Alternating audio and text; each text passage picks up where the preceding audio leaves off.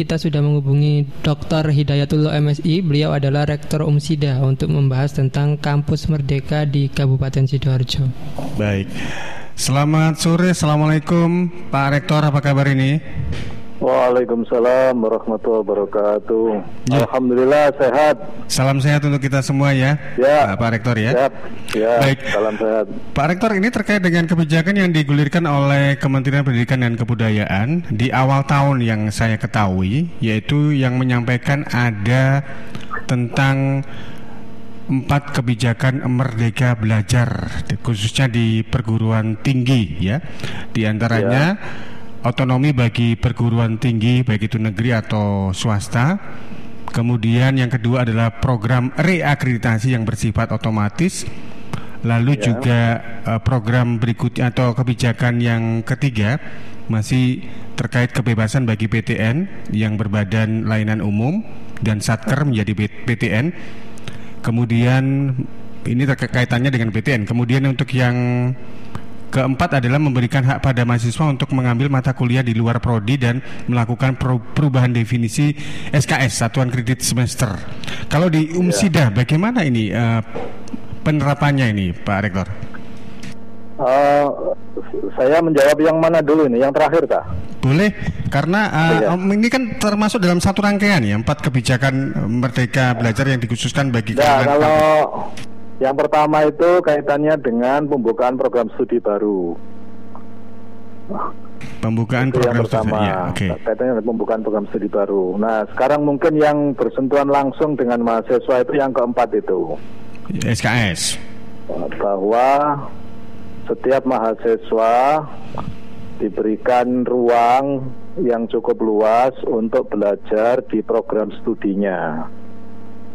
Nah, itu kemudian meminta kepada masing-masing perguruan tinggi untuk melakukan redesign kurikulum karena harus me memungkinkan mahasiswa itu mengambil kegiatan di luar program studinya. Kegiatan di luar program studi itu nanti mahasiswa ini bisa mengambil mata kuliah uh, di program studi lain di dalam kampus di Umsida sendiri di program studi lain atau mengambil, mengambil program studi lain di luar Umsida. Yeah. Nah, karena itu maka uh, kita juga melakukan redesign kurikulum dan sesungguhnya peraturan Menteri Pendidikan dan Kebudayaan berkaitan dengan Merdeka Belajar yang poin 4 itu itu setiap kampus akan diwajibkan dua tahun ke depan. Nah, tetapi Kemendikbud itu kemudian kan membuat beberapa program pilot project ya yang ditawarkan ke berbagai kampus. Dan itu sudah dimulai tahun akademik 2020-2021 ini. Nah, dalam program pilot project ini Umsida kemudian juga mengikuti dalam beberapa bentuk kegiatan program Merdeka Belajar itu. Nah, kita yang sudah pasti ikut itu ada beberapa program studi, misalnya di ilmu komunikasi, di prodi FIP, di Saintek itu juga ada. Nah, bentuk kegiatannya macam-macam. Ada yang um, mahasiswa ini diberi kesempatan untuk magang di luar di BUMN maupun di beberapa tempat demikian juga untuk melakukan pemberdayaan masyarakat.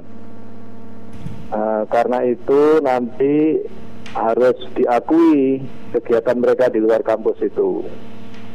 Demikian juga uh, sekarang ada program permata pertukaran mahasiswa semesta itu. Yeah. Uh, itu mahasiswa Umsida bisa mengikuti perkuliahan di kampus lain di luar Umsida, hmm. kampus di Indonesia ini. Yeah. Ada 26 mahasiswa kalau tidak salah yang lolos seleksi mengikuti program permata ini. Yang di Umsida. Nah, dimulai tahun akademik 2021 ini. Yeah. Itu.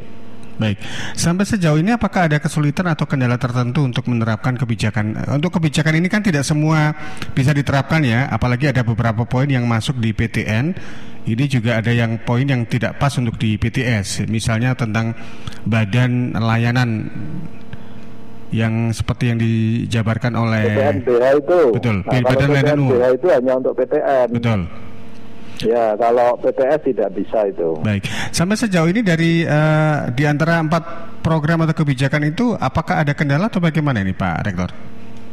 Ya, untuk yang poin pertama itu berkaitan dengan pembukaan program studi, kami tidak ada masalah karena sa salah satu syarat perguruan tinggi untuk bisa menambah program studi baru itu adalah yang terakreditasi minimal B. Nah, UMSIDA kan sudah, sudah sejak 2015 lalu sudah terakreditasi B. Yeah. Sehingga kami tidak ada persoalan. Demikian juga di di prodi-prodi yang berkaitan itu juga sudah beberapa A di tempat kami. Nah, di UMSIDA juga uh, sudah menambah beberapa prodi baru dan tahun depan ini kita nambah prodi lagi, misalnya uh, di prodi manajemen digital, bisnis digital maksud saya. Mm-hmm. Itu sudah hampir dapat uh, keputusan dari kementerian, tinggal menunggu SK turun saja. Kalau itu turun dari tahun depan kita buka prodi baru itu. Itu katanya dengan pembukaan program program studi baru dan sekarang kita juga sudah menyiapkan penambahan program studi lagi untuk teknik sipil dan kecerdasan buatan sedang dirancang. Insya Allah Nanti kalau lancar tahun depan kita tambah dua program studi, eh tiga program studi baru lagi. Baik. Itu Ini yang katanya dengan pembukaan program studi ya. Hmm. Baik. Apa yang menjadi dasar ketika sebuah kampus atau perguruan tinggi swasta misalnya untuk membuka program studi, tidak melulu hanya soal ya. akreditasi saja.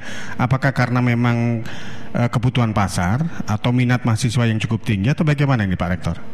Ya, jadi memang kita tidak lepas dari melihat uh, kebutuhan pasar ya karena itu kami sebelum menentukan prodi apa yang mau dibuka itu didasarkan hasil kajian ya kajian tentang potensi dan peluang ke depan program studi ini berpeluang untuk menjadi besar atau tidak itu menjadi pertimbangan kami. Yang kedua juga disesuaikan dengan kesiapan kami di kampus. Nah, kesiapan itu ada yang berkaitan dengan dosen, ada yang berkaitan dengan sarana prasarana, dan juga berkaitan dengan penyiapan kurikulum dan kelengkapan lainnya itu. Itu yang menjadi pertimbangan. Beberapa prodi yang saya sebut tadi itu, misalnya teknik sipil itu kita melihat uh, peluangnya cukup besar karena kebutuhan Indonesia untuk membangun di berbagai daerah mulai Sabang sampai Merauke itu sangat besar maka dibutuhkan sarjana-sarjana teknik sipil kemudian rencana kita membuka eh, kecerdasan buatan itu menjadi sebuah kebutuhan yang cukup besar di Indonesia ini di masa yang akan datang itu menjadi kajian kita juga. Jadi tidak semata-mata status akreditasi yang kita miliki gitu. Iya, jadi bisa jadi antar satu kampus atau perguruan tinggi swasta dengan perguruan tinggi swasta yang lain ini memiliki prodi yang berbeda-beda begitu ya Pak Rektor ya? Iya, iya begitu kira-kira. Baik. Kira. Sejauh ini bagaimana untuk uh, minat uh, mahasiswa baru terhadap prodi-prodi contohnya di UMSIDA apakah juga cukup antusias atau cukup tinggi ini yang masuk ke sana ini? Ya sampai dengan data hari kemarin yang mendaftar di Umsida ini hampir 2.900 yang sudah registrasi lebih dari 2.300 ini masih ada proses registrasi yang belum selesai maka kita lihat nanti kira-kira uh, 10 hari eh, 10 ya, hari ke depan itu nanti akan akan difinalisasi. Tapi dari target yang kita buat sesungguhnya yang dicapai sekarang ini sudah sedikit melebihi. Karena target kami di 2020-2021 ini 2250 Kemarin itu yang sudah registrasi 2316 kalau tidak salah. Iya. Jadi uh, alhamdulillah meskipun ada Covid ini animo masyarakat Sidoarjo dan luar Sidoarjo cukup banyak masihan yang mau melanjutkan kuliah termasuk di Umsida ini. Iya, kalau kita melihat misalnya ada kampus yang akan melaunching program diploma atau prodi baru begitu. Hmm. Sarana dan prasarana serta dosen-dosen dan staf pengajar ini harus siap begitu ya Pak Rektor ya? Iya, karena persyaratannya ketika kita mengajukan uh, pembukaan program studi baru ke Kementerian Pendidikan dan Kebudayaan itu itu kita sudah diminta dalam pengajuan itu kesiapan dosen, kesiapan sarana prasarana, kesiapan dana begitu. Hmm. Iya baik. Untuk ke depan ini rencananya yang sempat disinggung Pak Rektor tadi ada ada prodi apa yang mau dibuka ini? Kita sekarang yang sudah masuk di Kemendikbud itu tinggal menunggu SK turun itu teknik sipil. Teknik sipil nah, di, di eh, maaf sorry uh, digital bisnis. Digital bisnis. Digital itu yang tinggal menunggu SK turun. Bisnis digital. Nah, sekarang yang sedang proses persiapan pengajuan itu teknik sipil sama kecerdasan buatan. Oke. Okay. Artificial intelligence itu yang sedang kita siapkan. Mudah-mudahan uh, satu dua bulan ke depan ini sudah bisa kita ajukan. Harapan kami di awal 2021 itu sudah dapat persetujuan dari Kemendikbud uh, sehingga nanti tidak lama kemudian SK-nya bisa kami terima begitu. Baik, ini kalau kita singgung soal kebijakan yang lain yaitu kebijakan yang keempat terkait dengan SKS di mana mahasiswa bisa mengambil akreditasi atau uh, sorry uh, kredit semester atau mata kuliah yang memang tidak ada hubungannya dengan apa yang dia pelajari sekarang ini. Itu ya. apakah nanti uh, ke depan dia itu tidak maksudnya begini, ketika seseorang itu diberikan banyak hal atau banyak aspek aspek untuk mempelajari, apakah tidak nantinya tidak akan fokus terhadap sesuatu hal yang harus dia selesaikan begitu, Pak Rektor? Jadi mahasiswa itu memang diberi kesempatan untuk mengambil di luar program studinya itu sampai dua semester. Ya, itulah menjadi ruang yang cukup bagi mahasiswa untuk meningkatkan kemampuan sesuai dengan minatnya. Uh, itu kemudian yang menjadi eh, pekerjaan tersendiri bagi program studi yang ada di perguruan tinggi itu untuk meredesain kurikulumnya tadi itu. Yeah. Jadi misalnya mahasiswa program studi pendidikan agama Islam itu tidak dapat ya apa informasi. Iya, Pak Rektor, putus-putus ini suaranya, mohon maaf. Baik. Saya masih berusaha untuk bisa tersambung kembali dengan Dr. Hidayatullah MSI. Beliau adalah Rektor UMSIDA Universitas Muhammadiyah Sidoarjo terkait dengan aplikasi atau pelaksanaan empat kebijakan Merdeka Belajar yang disampaikan oleh Kementerian Pendidikan dan Kebudayaan pada awal tahun ini di antaranya tentang kebebasan bagi kampus untuk mendirikan program diploma atau prodi. Kemudian untuk juga kebijakan yang lain memberikan hak kepada mahasiswa untuk mengambil mata kuliah di luar prodi dan melakukan perubahan definisi SKS atau satuan kredit semester. Dan apa yang disampaikan oleh Dr. Hidayatullah MSI, rektor dari UMSITA tadi, bahwa di kampusnya yaitu di Umsida memang kebijakan ini sudah eh, beberapa poin sudah dijalankan. Ya, Pak Rektor bisa dilanjutkan tadi apa yang disampaikan Pak terputus? Silakan, monggo. Oke, baik. Jadi uh, contohnya begini, ketika ada mahasiswa dari program diploma, contohnya dia bisnis manajemen, begitu ya, terus dia mengambil mata kuliah yang lain, misalnya uh, diploma tentang arti atau kecerdasan buatan itu apakah diperbolehkan atau memang ada aturan-aturan tersendiri tidak boleh asal ngambil saja harus ada relevansinya atau bagaimana ini Pak Rektor? Ya jadi begini masing-masing program studi itu kan ada capaian kompetensi yang harus di uh, dikuasai oleh mahasiswa. Nah, untuk meningkatkan capaian kompetensi yang harus dikuasai oleh mahasiswa itu, mahasiswa ini boleh untuk mengambil uh, beberapa mata kuliah di program studi lain.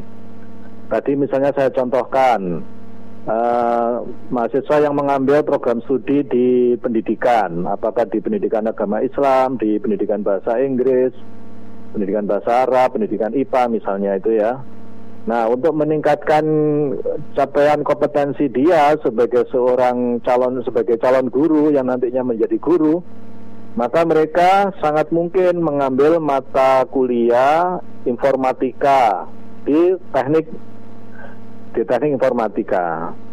Nah, berarti dia nanti harus memprogram mata kuliah informatika di Fakultas Saintek, misalnya 3 SKS. Nah, mungkin juga mereka butuh mata kuliah psikologi. Maka dia sangat mungkin mengambil mata kuliah di program studi psikologi.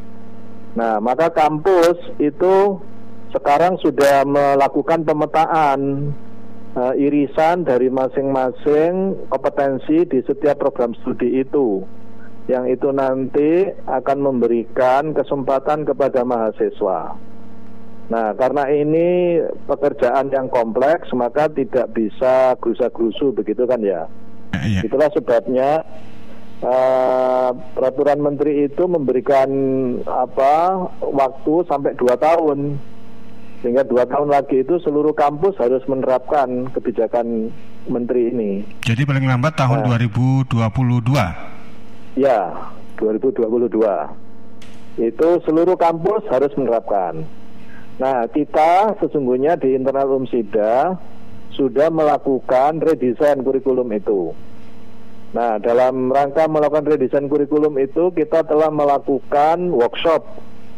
Di dalam workshop itu kita mengundang tokoh atau pakar pendidikan di bidang kurikulum. Waktu itu kita mengundang Prof. Sutrisno dari Jogja untuk membedah kebijakan kementerian dan bagaimana rekayasa untuk redesain kurikulum itu. Kita sudah melakukan itu, sekarang masing-masing prodi di bawah koordinasi Direktorat Akademik itu sedang melakukan proses penataan mata kuliah dan capaian kompetensi itu.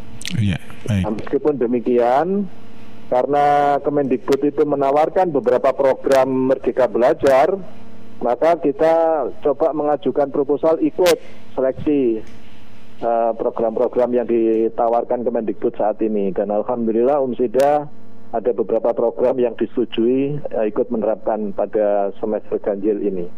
Iya, Il, uh, tadi sempat uh, Pak Rektor tadi ilustrasikan. Jadi uh, kalau bayangan saya begini, ketika ada mahasiswa yang duduk di menjalani uh, kuliah di diploma misalnya pendidikan dan related dengan informatika begitu ya, tapi kampusnya tidak ada yang menyediakan istilahnya itu apa itu diploma atau jurusan prodi sejenis itu apakah dimungkinkan untuk mengambil di uh, kampus yang lain atau universitas yang lain begitu ya Pak Rektor betul, ya? Betul, ya betul.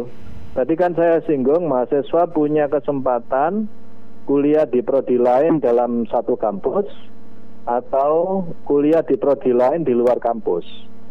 Yeah. Jadi misalnya mahasiswa UMSIDA itu boleh ngambil kuliah di ITS, boleh ngambil kuliah di UMM, boleh ngambil kuliah di UMY, di ITB.